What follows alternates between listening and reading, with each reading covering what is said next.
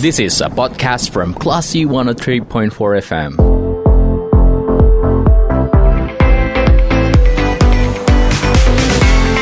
Growing Up with Coach Alka, only on Classy FM.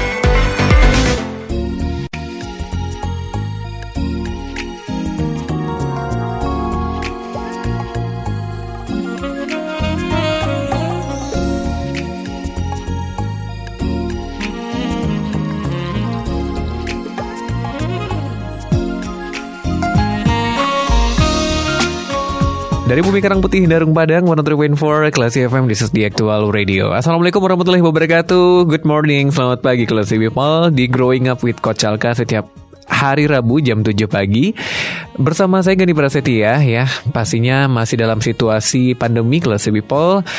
Kita rindu pasti semuanya untuk berkegiatan eh, berkumpul bersama-sama tanpa adanya rasa takut ya. Uh, termasuk saya dan Coach Alka yang uh, saat ini masih talk show secara berbincang secara uh, phone air Classy People. Uh, kita sapa dulu Coach Alka yang sudah tersambung sama kita pagi hari ini. Assalamualaikum. Coach Alka. Waalaikumsalam. Waalaikumsalam warahmatullahi wabarakatuh. Gandhi Classy People, gimana kabarnya? Alhamdulillah baik. Coach Alka sehat ya. Alhamdulillah. Oke, seperti biasa Coach Alka kita akan kasih uh, informasi, kasih tips, kasih uh, insight kepada pendengar kita tentang tips uh, bisnis ya Coach Alka ya. Dan kali ini kita akan membahas tentang bagaimana caranya memahami lima fase bisnis untuk pertumbuhan bisnis yang lebih baik. Ini yang masih ada hubungannya dengan pandemi kah Coach Alka? Ya, ini general. General ya Coach Alka ya. Bisa diimplementasikan saat pandemi, bahkan pasca pandemi. Oke. Jadi kita ngelihat aspek bisnis secara umum kali ini. Oke, kalau gitu gimana nih caranya Coach Alka untuk memahami lima fase pertumbuhan bisnis? Sebenarnya itu hal apa sih Coach Alka? Ya, fase bisnis ini serupa dengan kita fase pertumbuhan manusia atau makhluk hidup lainnya. Jadi kita analogikan bisnis ini seperti fase pertumbuhan manusia itu ada fase saat mereka uh, baru lahir, terus ada fase mereka saat balita, ada fase dia masuki fase anak-anak, remaja, bahkan dewasa. Dari analogi itu, kita punya gambaran sederhana bahwa setiap fase pasti kebutuhannya berbeda-beda. Dan punya treatment yang berbeda-beda, punya permasalahan yang berbeda-beda, dan punya kelebihan yang berbeda-beda. Terus apa hubungannya dengan bisnis? banyak orang ketika dia memulai bisnis kan sama sekali tidak paham buta apalagi teman-teman yang benar-benar mulai bisnis otodidak kan mm-hmm. Sebelumnya bekerja terus langsung buka bisnis uh, terus uh, langsung hajar-hajar hajar aja terus nanti pada satu titik stuck dan nggak tahu apa-apa terus dia buka sekarang zamannya digital buka Google bagaimana berbisnis dan muncul banyak sekali informasi kalau dulu kalau dulu sebelum era digital orang mungkin uh, bisnis bertanya kepada satu orang, dia punya satu guru dan dia ikutin. Kalau sekarang eranya adalah banyak self study dan dia belajar sendiri, autodidak, autodidak menggunakan media online. Ketika mereka buka media online, uh, fase yang kita hadapi adalah apa uh, fenomena yang terjadi adalah tsunami informasi. Banyak sekali oh cara berbisnis seperti ini harus punya sistem harus punya ke, uh, keuangan harus punya ini harus punya itu harus punya uh, uh, para pajak uh, paham perpajakan paham pengelolaan ini itu. Dan dan bikin orang bingung kan ini kok semua penting ya? Yang mana akan saya lakukan? Yang mana akan saya kerjakan? Iya. maka uh, ini tidak terjadi oleh uh, kita apa orang-orang mulai mulai bisnis. Orang udah eksis bisnis pun pusing juga. Udah tiga tahun bisnis lima tahun bisnis seolah-olah semua saran yang disampaikan penting, waktu mereka habis, uang mereka habis, tapi bisnis mereka tidak berkembang. Coach Alka, berarti gitu. dengan banyaknya uh, informasi yang bisa kita dapatkan, justru ini makin kita bingung, makin bikin kita bingung nggak sih Coach Alka? Ya, kalau kita nggak dapat esensinya, nggak dapat esensinya, cenderung semua informasi ini terkesan penting, mhm. terkesan mm -hmm. urgent kan, terkesan perlu kita lakukan saat ini. Tapi kalau kita lihat kondisi di lapangan, belum tentu ada yang perlu kita eksekusi sekarang, ada yang perlu kita perlu paham aja dulu, nanti dieksekusi ketika sudah mencapai titik tertentu atau di tahun tertentu. Inilah yang kita akan kupas dalam satu interval ke depan. apa aja sih fase-fase yang terjadi dalam bisnis, apa aja kebutuhannya dan bagaimana kita treatment melewatinya, begitu kan sih? Oke, itu dia pengertian uh, apa itu fa lima fase pertumbuhan bisnis ya Coach Alka ya. Kalau pentingnya Coach Alka mungkin bisa dirincikan kepada pendengar kita apa uh, apa pentingnya untuk memahami fase-fase pertumbuhan bisnis ini? Ya, fase-fase pertumbuhan bisnis ini kan cukup uh, kompleks. Sederhananya kalau kita ringkas tuh ada kalau tadi kita ada baru lahir, kalau di fase bisnis sama fase survival. Mm-hmm. Bagaimana sebuah bisnis itu bertahan hidup. Terus nanti setelah dia survival, uh, intinya mereka punya uh, cash flow-nya positif. Terus yang kedua nanti ada fase fase kedua, fase uh, menghasilkan cash. Kalau di anak-anak kita udah masuk fase balita. Habis itu fase dia membangun sistem ke fase ketiga. Fase membangun talent keempat. Yang kelima fase untuk mereka melakukan duplikasi atau tumbuh atau growing signifikan. Di masing fase-fase ini kan teman-teman perlu paham apakah sekarang saatnya saya sudah uh, melakukan ini, apakah ini di fase ini belum belum tahu kita. Maka pentingnya adalah ketika kita tahu kita ada di fase mana, kita jadi tahu apa yang perlu kita lakukan. Uh, kita tahu nih 80% energi kita, waktu kita, tenaga kita, kita mau memfokuskan apa Nanti di sesi detail kita bakal bahas di fase tertentu kita boleh kok tahu banyak hal tapi itu hanya concern 20% aja. Luangkan waktu dan energi kita 20%, 80% fokus sama yang uh, permasalahan kita saat ini. Contoh, ambil kita ambil contoh. Di fase pertama, fase orang mulai bisnis itu bagaimana dia fase survive. Fokus dia itu adalah survive, bagaimana mendapatkan pelanggan sebanyak-banyaknya. Nanti kalau oh, ada orang oh ya kamu harus punya sistem keuangan yang rapi. Oh ya kamu harus uh, uh, ngerti perpajakan. Oh ya kamu harus uh, punya direktur dan lain sebagainya. Pusing kan? Karena bisnis kayak gitu ya? Iya, iya. iya bisnis kayak gitu. Oh, saya mulai bisnis lihat di Sureda terus dia lakukan aktivasi. Terus yang ada apa? Biaya membengkak tapi penjualan nggak ada. Ujung-ujungnya apa? Ini yang salah satu yang menyebabkan uh, 90% bisnis kolaps di dua, dua tahun pertama. Karena mereka nggak paham apa sih yang menjadi urgent di fase-fase tersebut begitu kan Oke ya kayak bayi aja disuruh lari. Langsung lari ya nggak bisa ya Coach Alka ya? Iya, apalagi nanti bayi langsung dikasih nasi, bisa kesedap dan keracunan gitu kan? Iya iya, berarti yang pertama itu harus survive, misalnya contohnya seperti itu yang tadi. Nah kalau misalnya kita nggak paham nih Coach Alka, fase-fase ini kira-kira apa sih yang terjadi? kalau nggak paham, ini dia seolah-olah kata-kata di luar sana itu jadi penting. Contoh, ada orang uh, bilang, oh ya bisnis itu penting punya modal, jadi kamu harus uh, suntik dana. Dari mana? Kamu bisa melakukan pinjaman bank, atau hmm. kamu bisa hmm. menghimpun dana, terus atau kamu bisa uh, melakukan personal garansi, kamu uh, jaminkan harta atau uh, jaminkan harta kekayaan yang kamu punya, rumah mertua, rumah itu supaya bisnis kamu terlihat besar kan. Hmm. Sedangkan dia nggak nggak paham fase pertama, dia belum survive, dia belum menghasilkan cash, terus dia langsung uh, suntik dana. Yang ada apa? Bingung dia kan, eh ada dana besar, mau diapain nih? Ya udah stok aja barang banyak-banyak. Setelah stok barang banyak-banyak, dia nggak tahu mau jual ke siapa. Akhirnya barang jadi desktop, nggak nggak laku. Rusak. Ini nyata banget loh Coach Alka, nyata banget iya. karena untuk bikin bisnis tuh rata-rata tuh orang pada bilang kalau harus minjem ke bank gitu. Iya, itu kan itu salah satu misleading ketika orang nggak paham fase di bisnisnya, uh-uh. dia langsung genjot dana dalam jumlah besar, padahal dia belum melewati fase awal, fase 1 dan fase 2. Dia hajar. Ujung-ujungnya apa? Bingung kan? Stok banyak atau lebih apa lagi adalah tergoda sama cash yang ada di bank. Oh iya saya belikan ke mobil aja deh. Oh iya saya renovasi rumah aja deh. Oh iya saya jalan-jalan aja deh mumpung ada duitnya. Padahal nggak sadar ini duit bukan duit keuntungan tapi duit pinjaman. Hmm apa yang terjadi? Yang terjadi ke selanjutnya adalah ketika startnya udah berantakan, ini kan kayak efek domino.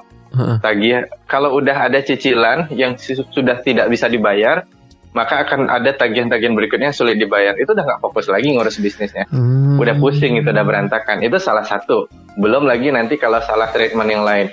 Contoh yang salah treatment, oh ya bisnis itu perlu punya sistem ERP yang lengkap. Ya udah saya set up invest uh, eh, 300 jutaan untuk ERP padahal bisnis masih satu buah toko kan ah. ya untuk apa juga iya, iya, iya. alurnya terus setelah oh ternyata nggak cocok oh iya ini harus disesuaikan penyesuaian lagi adjustment lagi akhirnya kan treatmentnya nggak sesuai dengan fasenya Ini bikin bikin bing- bilang oh ya ternyata bisnis itu tidak tidak mudah ya, bisnis itu sulit ya.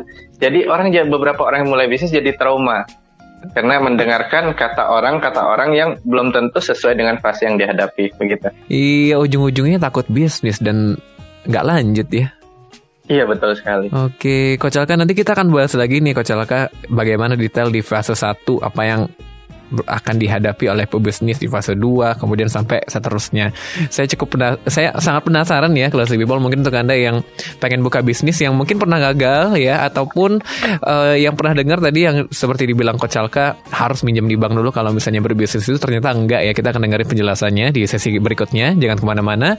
Anda bersama saya Kandi Prasetya dan Coach Alka di program Growing Up. Keep in tune. This is a podcast from Classy 103.4 FM.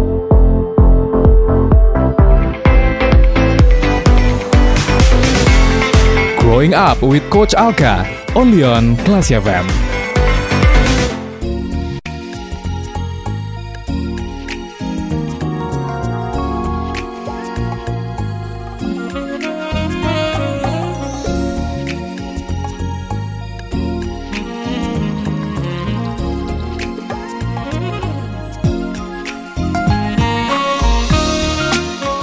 For Classy FM, this is the Actual Radio. Anda kembali mencermati program Growing Up with Coach Alka, Classy People. Selamat pagi untuk Anda yang baru bergabung ya, ataupun eh, yang lagi beraktivitas sambil dengerin tips bisnis yang disampaikan oleh Coach Alka. Kita masih tersambung dengan beliau. Coach Alka masih bersama kita ya. Ya, Oke, di sesi kedua ini Coach Alka, bagaimana sih detail di fase 1? Kita minta penjelasannya ya. Silakan Coach Alka. ya ada lima fase yang akan kita eh, bahas detail dalam sesi ini. Yang pertama itu adalah fase survival, bagaimana bertahan hidup. Tidak hanya orang masuk hutan aja dia perlu bertahan hidup. Ketika bisnis itu sudah dimulai, itu saat dia sudah mulai start bertahan hidup. Kenapa? Bisnis itu sama kayak dia masuk area yang endingnya itu mereka harus eh, cash flow-nya perlu positif supaya bisa mendanai operasional dia. Maka fase survival ini kita suka bilang fase cari makan. Fase cari makan supaya bisnis itu bisa eh, ada eksis untuk setiap dari bulan ke bulan. Bahkan bisa eksis selama satu tahun, dua tahun, tiga tahun pertama. Ada beberapa catatan yang perlu teman-teman pahami dan lihat di fase ini. Ada kata kunci dan ada poin-poin yang perlu diwaspadai. Yang pertama, fase survival sangat kita tekankan adalah untuk ini fase kita mencari arah, mencari jati diri bisnis, mencari bisnis ini apakah layak dijalankan atau tidak. Maka sebaiknya setiap eksplorasi teman-teman dalam jualan, dalam membangun bisnis, pastikan itu menggunakan dana sendiri. Di- fase survival ini belum waktunya teman-teman menginjek dana di luar eh, pihak pemilik atau orang yang eh, sekitaran pemilik. Contoh apa? Di fase survival ini bisnis baru dibuka. Jangan teman-teman menggunakan namanya kartu kredit, kredit tanpa anggunan, kur atau oh, ada so- orang-orang mau invest karena ini belum tentu bisnis ini menghasilkan atau enggak. Orang bilang kan nggak apa-apa orang invest. Hati-hati loh teman-teman. Investasi itu orang mau invest karena mereka percaya kepada Anda. Mhm. Sedangkan Anda sendiri belum percaya sama bisnis Anda. Ketika bisnis Anda gagal, otomatis Anda akan berkurang satu orang yang percaya kepada Anda.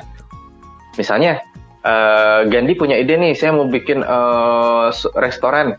Karena hubungan baik dengan saya dengan Gandhi, ya udah nih, ada 100 juta kelola Gandhi. Gandhi sendiri nggak yakin, ini restoran menguntungkan nggak kan? Ternyata dalam tiga bulan, enam bulan itu restoran nggak menghasilkan dan terpaksa tutup.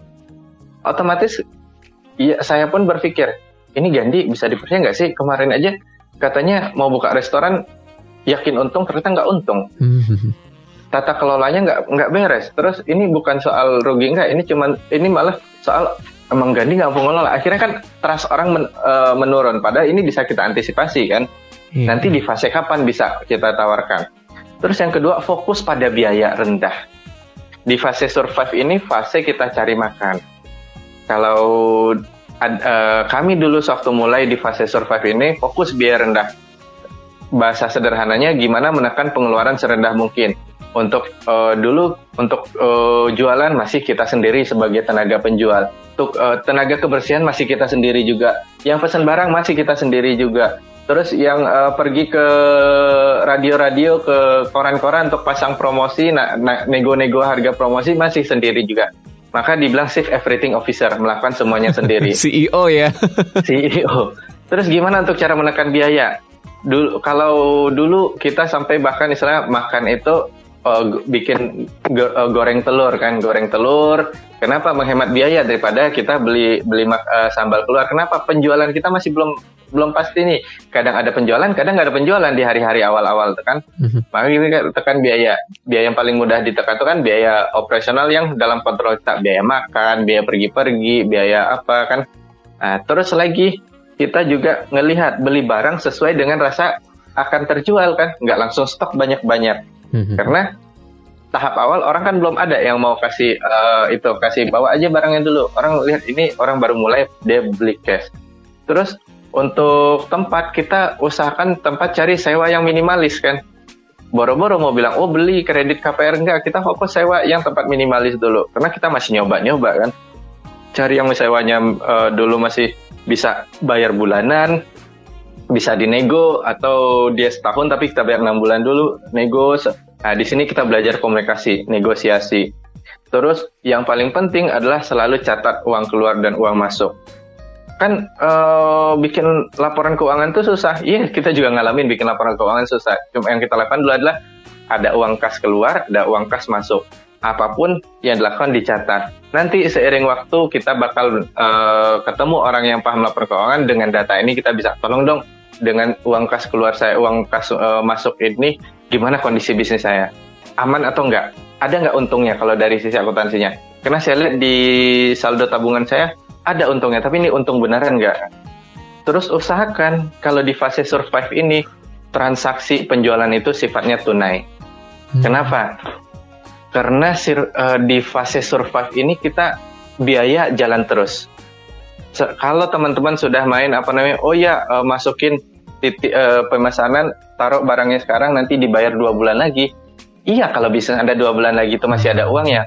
Kalau di bulan pertama ya udah ada kehabisan uang, anda perlu uang lagi untuk beli barang lagi, Anda nggak nggak nggak bisa beli barang, otomatis apa? Bisa jadi saat tempo itu jatuh, jatuh tempo pembayaran uh, customer Anda, bisnis Anda sudah nggak ada lagi. Iya, iya. Ngutang ya Alka ya?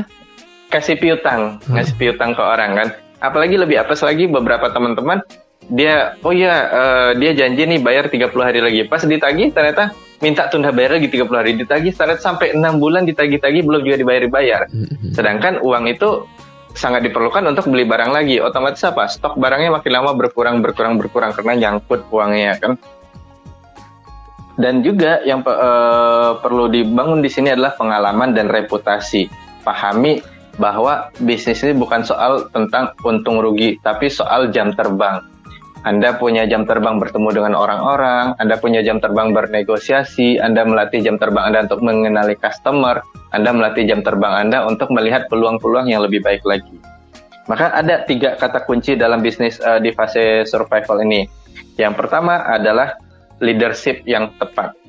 Leadership yang tepat itu maksudnya adalah saat dia mulai bisnis, dia benar-benar paham apa yang dibutuhkan oleh bisnis Anda kalau seandainya butuh tambahan orang, lihat apakah tambahan orang ini orang tetap atau orang uh, apa namanya per project atau hmm. namanya orang cabutan katakan. Kalau emang rasanya belum butuh karyawan tetap karena anda menjaga biaya, kenapa nggak cari orang yang saat dibutuhkan dipanggil, saat dibutuhkan dipanggil? Apakah dari mahasiswa atau dari orang yang cari kerjaan tambahan? Yang penting Anda tidak bergantung sama satu dua orang. Anda punya beberapa alternatif. Di sini kemampuan komunikasi dan leadership Anda yang membuat mereka bisa mendukung rencana Anda. Itu yang pertama. Yang kedua, model kepemimpinan di fase survive ini adalah pemilik terjun langsung. Terjun langsung ke lapangan. Jangan harap Anda baru mulai bisnis dan langsung perintah-perintah aja. Karena karyawan Anda, kalau yang sudah punya karyawan, atau tim freelance Anda, kalau Anda punya karyawan yang freelance, tidak mengerti arah bisnis Anda, karena bisnis baru mulai, dia nggak ngerti model bermain Anda, maka Anda perlu terjun langsung dan perintah langsung, kasih tahu perintah yang langsung bisa dipahami. Jangan dibilang, oh ya tolong pelajari ini ya, tolong pelajari ini ya. Bingung mereka. Nanti ujungnya apa? Mereka mengeksekusi dengan cara mereka sendiri. Yang belum tentu sesuai dengan model Anda.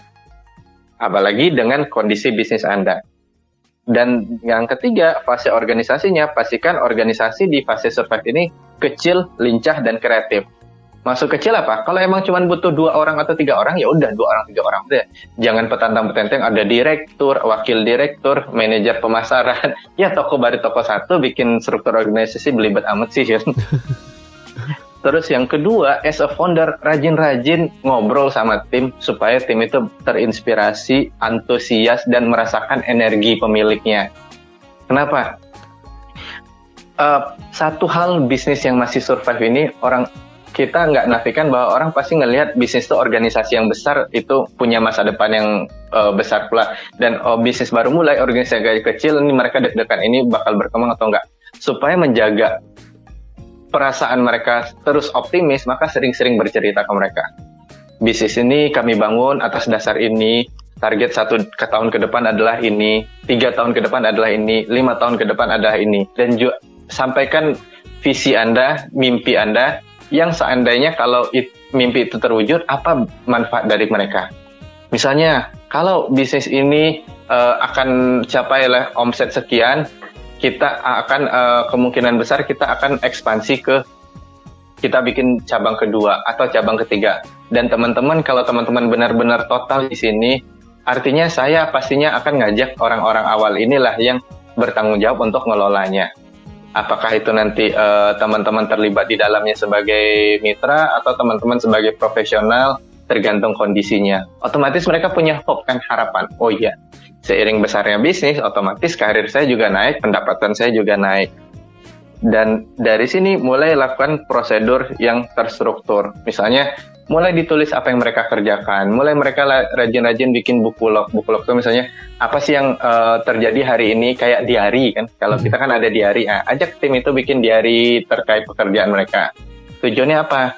Jadi kita yang terkadang tidak berinter, uh, tidak sempat berinteraksi di semua di uh, aktivitas, dan kita juga kadang nggak cukup waktu untuk oh, nanya-nanya langsung, kita bisa lihat dong buku lognya apa aja yang terjadi kemarin.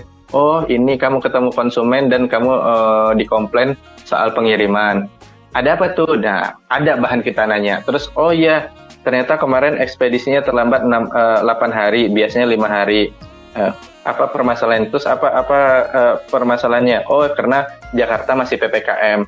Oh berarti selama ppkm uh, lead time kita pengiriman dinaikin dari 5 ke 8 hari supaya stok kita barang nggak kosong. Punya bahan kita ambil keputusan cepat. Terus uh, di mumpung organisasi masih kecil, rajin-rajin bikin checklist dan to-do list. Apa yang dikerjakan hari ini, checklist, checklist, checklist. Tim kita juga melakukan itu. Nanti checklist itu dikumpulkan, inilah nanti bahan kita untuk membuat uh, bisnis yang lebih rapi ke di, di fase berikutnya. Begitu Gandhi. Oke, Coach Alka. Um, Coach Alka pernah temuin nggak sih kasus bahwa ada nih orang yang mereka tuh punya modal gitu ya, tapi mereka nggak ikut mendampingi. Mungkin alasannya karena mereka banyak banyak punya bisnis gitu dan mereka nggak sering berinteraksi sama uh, anggota-anggotanya. Kalau misalnya pernah Coach Alka menemui kasus seperti ini, uh, emang gimana sih cara uh, menghadapi uh, or, maksudnya gimana sih cara orang-orang yang punya bisnis banyak menghadapi hal ini, Coach Alka? Ya, kalau itu biasanya mereka sudah masuk di fase fase yang lebih uh, kompleks lagi di fase 4 atau fase 5. Oke, okay, nanti kita akan bahas ya. Oke. Okay, ya. Baik, Coach Alka. Kalau gitu kita ke fase 2 nih Coach Alka setelah uh, mungkin uh, di tahap survive tadi, benar? Tahap, ya. tahap apa lagi nih berikutnya Coach Alka yang Fase kedua adalah fase menghasilkan cash. Kita lanjut yang uh, ganti cerita. Kalau di fase survive tadi itu benar-benar orang belum punya pengalaman bisnis sama sekali. Mm -hmm. Jadi dia baru terjun, dia sendiri langsung. Kalau yang ganti tanya itu kan dia sudah punya pengalaman bisnisnya, hanya mm -hmm. dia buka bisnis yang berbeda dan dia tidak terlibat di bisnis yang barunya. Mm -hmm. Kalau itu nanti kita akan bahas uh, di fase bagaimana dia melakukan ekspansi, okay. ekspansi secara bisnis kah atau ekspansi secara investasi. Di fase kedua, fase kita masuk fase menghasilkan cash atau menghasilkan uang. Fase ini apa bedanya dari fase pertama? Bedanya adalah fase pertama si pembisnis masih belum clear nih siapa customernya, kira-kira berapa penghasilan rata-rata sebulannya, terus apa produk yang diinginkan customer. Dia lakukan itu beberapa, misal sebulan, dua bulan, tiga bulan, sampai dia mulai punya uh, cash yang stabil, cash yang stabil, apa uh, cash yang positif. Jadi antara penjualan sama biayanya tidak nombok lagi. berarti sudah selamat. Jadi inti survival itu adalah dia bisa survive. Keuntungan bisa menutupi biaya. Tapi keuntungan sama menutupi biaya aja kan tidak cukup. Mm-mm. Kalau dibiarkan fase survival ini terus-menerus adalah pada satu titik ketika kondisi tidak aman, dia tidak punya cadangan cash. Maka dia kalau sudah cash sama dengan biaya, dia perlu bergerak di fase kedua. Fase eh, menghasilkan cash yang lebih banyak. Untuk apa menghasilkan cash lebih banyak? Yang pastinya adalah yang namanya bisnis pengen untung kan. Kalau cuma sekedar survive, itu pada satu titik ketika ada persaingan ketat, bisa jadi dia akan kalah atau dia akan tutup. Hmm. Maka kejar fase kedua, hasilkan cash yang lebih banyak. Apa yang perlu diperhatikan di sini? Yang perlu dia perhatikan di sini adalah si business owner mulai benar-benar mengenali market atau mengenali eh, customernya. Jadi dia tahu nih secara spesifik customernya itu kelompoknya apa sih? Kelompok karyawan kah? Kelompok ibu rumah tangga kah? Kelompok orang bekerja di bank kah? Atau kelompok eh, pengusaha kah? Atau kelompok anak muda mahasiswa kah? Dia perlu paham secara spesifik target market dia baik secara demografis atau geografis atau secara eh, perilaku. Ketika paham itu, maka dia akan tahu nih produk dan layanan yang dibutuhkan oleh target eh, pasar mereka itu. Sehingga dia bisa nih, kalau yang namanya mahasiswa, yang mereka butuhkan adalah harga terjangkau, kekinian, dan eh, bisa diakses di internet. Kata kunci itu penuhi dan apa USP-nya? USP-nya adalah kekinian, se-update. Berarti bisnis Anda fokus men, eh, solving kebutuhan market tersebut.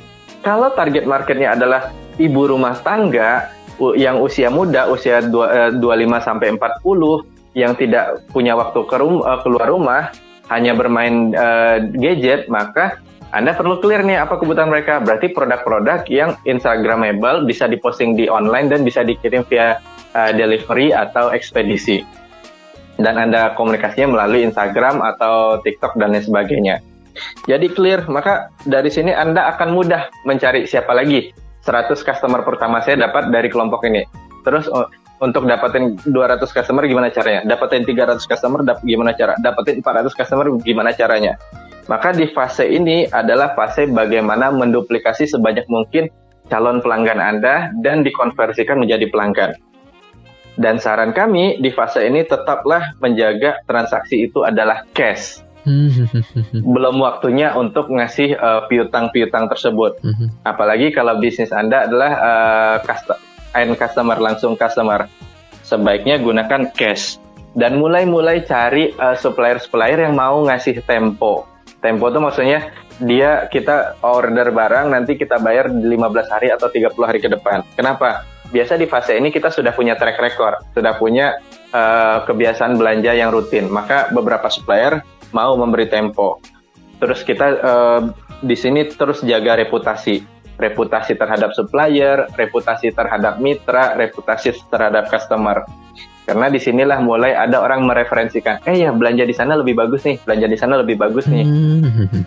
Di fase ini saya tekankan kepada teman-teman adalah mulai melakukan customer relationship management. Hmm, Apa iya. itu?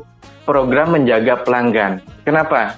Di fase survive itu Anda akan merasakan susah banget mendapatkan pelanggan. Untuk mendapatkan pelanggan Anda perlu menelpon 100 orang, perlu mencet eh, 50 orang, perlu menelpon eh, me- apa, melobi-lobi so- meyakinkan 10 orang. Ketika sudah jadi pelanggan, jaga itu terus pelanggan supaya terlu- terus terhubung ada tiga kata kunci di fase ini. Yang pertama adalah Anda sebagai business owner perlu punya arah yang jelas. Anda punya punya arah yang terstruktur yang Anda kasih tahu. "Ah, Bulan ini kita pengen capai ini, lakukan ini, lakukan ini. Dan Anda terjun langsung mulai-mulai untuk mengajarkan tim Anda untuk melihat, saya lakukan ini, tolong lihat, saya lakukan ini, tolong lihat, tolong catat. Latihan untuk mendelegasikan. Model kepemimpinan di sini mulai modelnya adalah supervisi. Saya lakukan, kamu lihat. Terus saya lihat, kamu lakukan. Hmm. Supaya ada kadar-kadar yang untuk eh, menggantikan kita melakukan hal-hal teknis.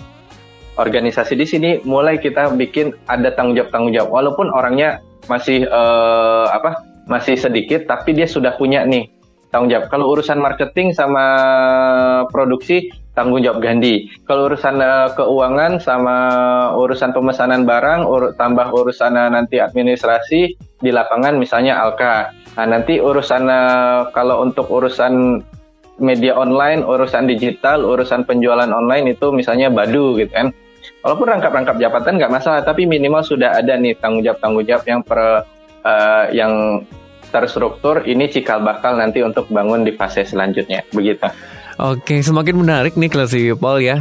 Uh, kita akan cermati kembali Growing Up di sesi ketiga. Jangan ke mana-mana, John di 103.4 Kelas FM di Actual Radio.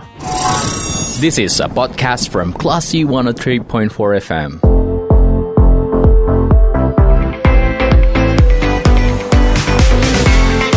Growing Up with Coach Alka, only on Classy FM.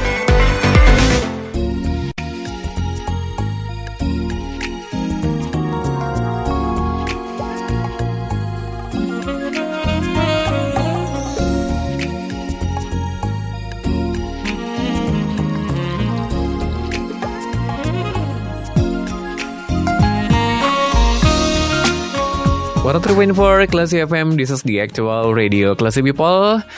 Kita masih membahas tentang 5 fase bisnis untuk pertumbuhan bisnis yang lebih baik. Bagaimana cara memahaminya, kita sudah membicarakan ini selama dua sesi tadi bersama Coach Alka.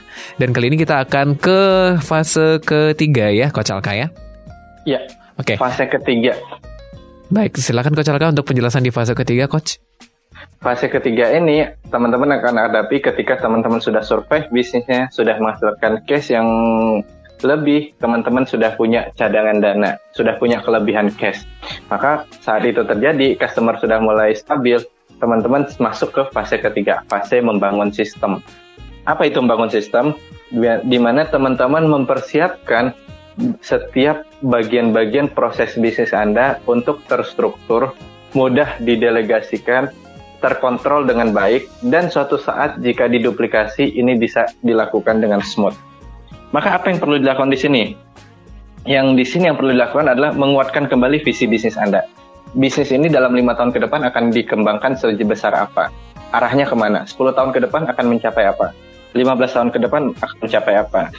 Lalu dari visi itu Anda breakdown menjadi target tahunan tahu, uh, satu tahun, dua tahun, tiga tahun sampai 15 tahun. Dari situ Anda mulai sesuaikan dengan bisnis proses saat ini. Dari bisnis proses saat ini apa yang uh, dilakukan dulu, setelah itu apa, setelah itu apa, terus mulai teman-teman lakukan pemetaan prosedur-prosedurnya dan di fase sebelumnya kan teman-teman sudah mulai nih ada divisi-divisi bagian-bagian itu dicek benar benar nggak mereka melakukan sesuai dengan uh, yang mereka tuliskan kalau benar menurut tuliskan di sinilah teman-teman yang masuk disebut namanya sistemasi, mensistemize, me, me, merapikan setiap aktivitas-aktivitas yang suatu saat ketika aktivitas ini diduplikasi akan bisa berjalan seperti contohnya. Misalnya ketika arahnya ke depan apa? Arahnya nanti pengembangan. Apa kata kunci di fase ini? Kata kunci di fase ini adalah memperkuat leadership Anda untuk tim Anda bisa bergerak mencapai target tahunan. Apa yang uh, apa yang Anda inginkan satu tahun sampai lima tahun ke depan. Lalu memastikan bahwa sistem kontrolnya berjalan. Maksudnya apa? Sistem kontrol ini fungsinya coba bayangkan di bisnis Anda satu tahun sampai tiga tahun ke depan Anda tidak terlibat full lagi. Anda tidak ada di dalamnya, tapi Anda bisa mengetahui kondisi bisnis Anda. Mm -hmm Misalnya kita pergi dua minggu atau satu bulan, Anda bisa tahu kondisi bisnis Anda secara langsung maupun tidak langsung dalam waktu cepat. Tidak harus nunggu pulang lagi. Ketika sistem kontrol ini jadi, akan lebih mudah teman-teman untuk uh, masuk ke fase selanjutnya. Terus juga memastikan bahwa bisnis Anda ini sudah memenuhi legal-legal yang ada. Tidak hanya izin usaha, coba lihat lagi legal aspek legal lainnya. Izin produksinya kah, perpajakannya kah, terus nanti izin-izin lainnya kah, amdal kah, yang lain sebagainya. Kenapa? Seiring bisnis Anda berkembang, otomatis bisnis Anda tidak lagi disebut UMKM nanti. Sudah lagi tidak uh, sebut mikro lagi. Anda sudah masuk bisnis kecil atau bisnis menengah. Artinya, bisnis Anda mulai perlu taat aturan secara terstruktur, baik uh, dari sisi pemerintahan maupun dari sisi industrinya. Contoh yang paling sering dilihat kalau orang udah industri makanan, kalau dia sudah mau masuk ke swalayan itu perlu ada PIRT. Kalau dia sudah mau antar kota itu perlu ada BPO, BPOM-nya. Terus nanti setiap akhir tahun pasti akan ada laporan pajaknya. Sesuai nggak uh, dengan uh, kondisi bisnis Anda? Saat ini Anda perlu siapkan itu. Maka ada tiga kata kunci yang perlu dilakukan dalam fase ini. Yang pertama adalah Anda bangun kontrol sistem yang bagus. Di fase ini Anda punya organisasi yang sudah mulai terstruktur dan benar-benar dijalankan sesuai fungsinya. Dan Anda punya alat bantu kontrol. Alat bantu kontrol ini bisa berupa sistem atau bisa berupa cara. Yang kedua, model kepemimpinan Anda. Model kepemimpinan ini mulai ada rantai komunikasi. Ada top leader, ada middle manager, ada eksekutor. Mulai Anda membentuk leader-leader kecil di bawah Anda yang untuk melit eksekusi-eksekusi di lapangan. Jangan sampai semua tim bergantung pada Anda. Mulai delegasikan beberapa oh, aktivitas kepada leader-leader di bawah Anda. Yang ketiga, Anda mulai bangun organisasi yang kuat. Yang kuat ini tidak harus besar, yang penting adalah organisasi itu efektif dan efisien dan terkoordinasi langsung dengan Anda. Orang bagian keuangan bisa uh, mau bikin programnya sendiri atau bikin kegiatan sendiri, tapi uh, koordinasinya atas koordinasi dengan Anda. Orang pemasaran juga gitu, orang nanti ada orang digital marketingnya juga di bagian ini, bayangkan bisnis Anda akan diduplikasi sampai 1000 cabang dalam 10 tahun ke depan. Hmm. Begitu kan, deh. Oke, itu perkiraannya dan uh, apanya ya Coach ya? Targetnya ya Coach Alka? Iya, betul. Oke. Setelah membangun sistem uh, kita ke fase keempat nih Coach Alka. Eh tapi sebelum kita ke fase empat Coach Alka, saya pengen tanya, kira-kira di fase ketiga itu kita ada di tahun keberapa sih dalam membangun bisnis? Kalau tahun itu relatif. Kenapa? Hmm. Karena banyak bisnis bahkan sudah uh, kalau bisnis itu benar-benar dia serius dia kerjain kadang tidak butuh waktu 3 tahun 4 tahun 5 tahun dia sudah masuk di lompat ke fase 3 hmm. tapi ada juga beberapa bisnis sudah ber, melakukan bisnis 10 tahun 15 tahun 20 tahun ternyata masih di fase kedua hmm. fase menghasilkan uang hmm. cirinya apa cirinya lihat aja ada bisnis kalau ownernya masih ada di sana ownernya nggak uh, ataupun ownernya pergi tapi uh, dia tidak punya akses kontrol langsung tidak bisa ada delegasi tidak bisa tidak punya sistem yang uh, terstruktur sebenarnya dia masih di fase kedua walaupun dia punya banyak cabang paling dia cuma lakukan namanya sistem kepercayaan sistem kepercayaan hmm. tapi tidak tidak terintegrasi dengan baik itu masih fase kedua fase kedua perpindahan ke fase ketiga sistemnya masih sistem sederhana namanya sistem kepercayaan belum terintegrasi ciri khasnya apa? Dia akan uh, mentok di cabang tertentu. Misalnya habis lima cabang dia nggak nggak uh, nggak ada lagi berkembang berkembang lagi. Kenapa? Bisa jadi ketika dia naikin ke cabang selanjutnya yang ada rugi rugi rugi terus karena nggak nggak proven sistem yang dia bangun gitu. Oke, Coach Alka. Nah untuk fase 4 tadi Coach Alka sudah kasih bocoran ya itu ekspansi benar nggak sih Coach Alka? Ekspansi itu di fase kelima. Fase, kelima. fase keempat adalah kita siapkan orang, siapkan talent. Siapkan talent. Oke, silakan Coach Siapkan talent. Iya fase ketiga dan fase keempat ini sebenarnya jalan bersamaan atau berdekatan. Jangan dibiarin sendiri. Jadi sambil kita nyusun sistem, kita juga siapkan talent, siapkan orang-orang yang akan uh, menjadi next leadernya, yang menjadi motor penggeraknya. Kenapa? Misalnya ketika sistem Anda sudah uh, sudah dibentuk, Anda perlu men-trial sistem ini proven atau enggak. Sistem proven kalau hanya bergantung sama diri Anda aja akan butuh waktu yang lama untuk men-trial sistem ini. Tapi ketika Anda punya talent 2, 3, atau 4 orang yang punya pemikiran searah dengan Anda, visi yang sama, antusias yang sama, akan lebih mudah Anda melakukan uh, penyempurnaan sistem yang sedang Anda bangun. Maka di sini yang kata kuncinya adalah blueprint bisnis Anda, arah bisnis Anda itu benar-benar jelas, tertulis, dan ter terstruktur. Supaya talent-talent Anda tahu apa yang ingin Anda capai dan mereka punya semangat yang sama untuk mencapainya. Yang kedua, libatkan talent Anda itu untuk melakukan improvement di sistem Anda ini. Misalnya sistem pengawasan keuangannya Anda sudah bangun dan lihat talent Anda bisa nggak memahaminya. Calon-calon leader Anda bisa nggak meng, ya, mengontrolnya, mengimplementasikannya. Terus di fase ini it's okay to make mistake.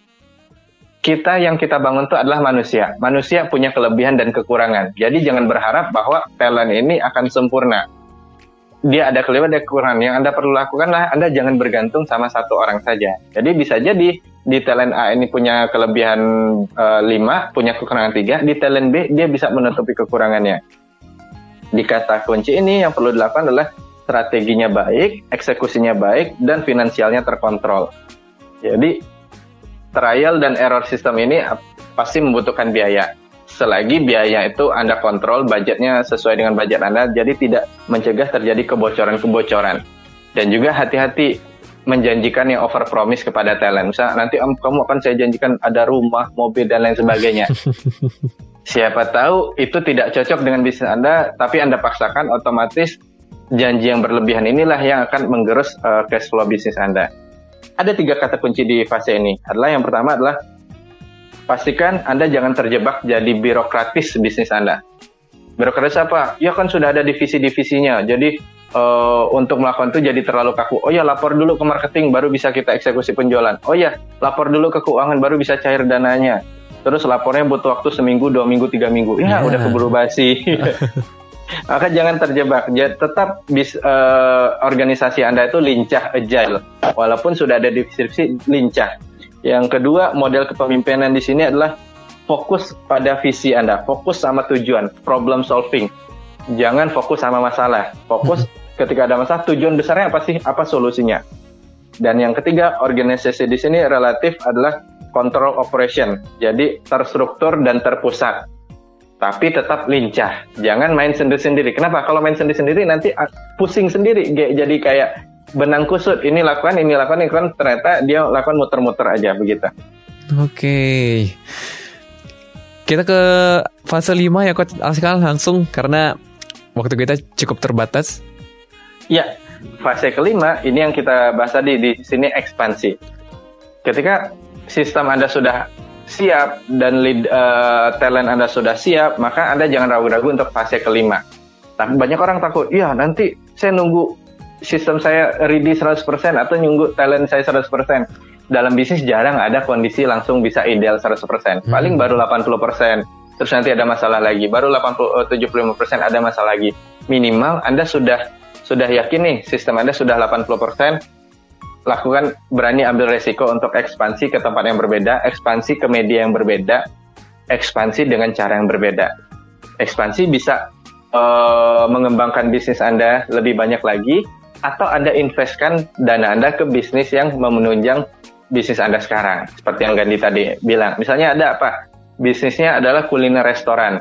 Dia sudah uh, punya 87 cabang akhirnya kulinernya olahan ayam. Maka dia mau ekspansi sambil ekspansi menambah cabang, dia juga ekspansi ke peternakan ayam untuk menjaga suplainya. Ekspansi juga untuk bangun bisnis percetakan. Kenapa? Butuh kotak, butuh packaging dan lain sebagainya. Ekspansi juga ke bisnis uh, bisnis uh, distribusi, beli truk. Kenapa? Dia butuh ngirim logistik-logistiknya. Jadi ekspansi-ekspansi itu usahakan itu sejalan dengan visi bisnis Anda, arah bisnis Anda dalam 5, 10 atau 15 tahun ke depan. Gitu Gandhi. Thank you Coach Alka, fase bisnis ini emang sangat penting ya untuk diketahui oleh para pebisnis ya. Dan in case Anda Classy People tidak sempat mencermati dari awal bisa kembali mencermati di jam 7 malam nanti di rerun ataupun mencermati podcast uh, Classy FM. Anda silakan install uh, aplikasinya di Play Store dan iOS. Silakan closing statementnya Coach Alka. Ya, dari kita bahas satu interval ini, maka kita mulai bisa lihat, oh ya ternyata bisnis mengalami fase ini, fase ini, fase ini. Jadi ketika saya belajar ini, mungkin ini uh, belum yang saya butuhkan saat ini, tapi saya simpan aja dulu. Ini akan saya butuhkan saat di fase 3 atau di fase 5. Atau dengan lihat, oh dari kondisi ternyata saya ada di fase 3. Yes, berarti saya perlu melakukan ini, melakukan ini. Maka it's okay to make mistake. Gak ada masalahnya kok bikin kesalahan. Karena di bisnis itu sama kayak permainan, kadang kita win, kadang kita lose. Yang penting kita terus bermain dan tetap fun. Begitu kan, Oke. Terus belajar ya pastinya Coach Alka ya? Yes. Oke, kalau begitu saatnya kita berdua harus pamit Classy People, saya dan Coach Alka dari program Growing Up ya. Silahkan cermati program ini setiap hari Rabu di jam 7 pagi. Terima kasih Coach Alka. Kita berdua pamit. Assalamualaikum warahmatullahi wabarakatuh. And then, see you.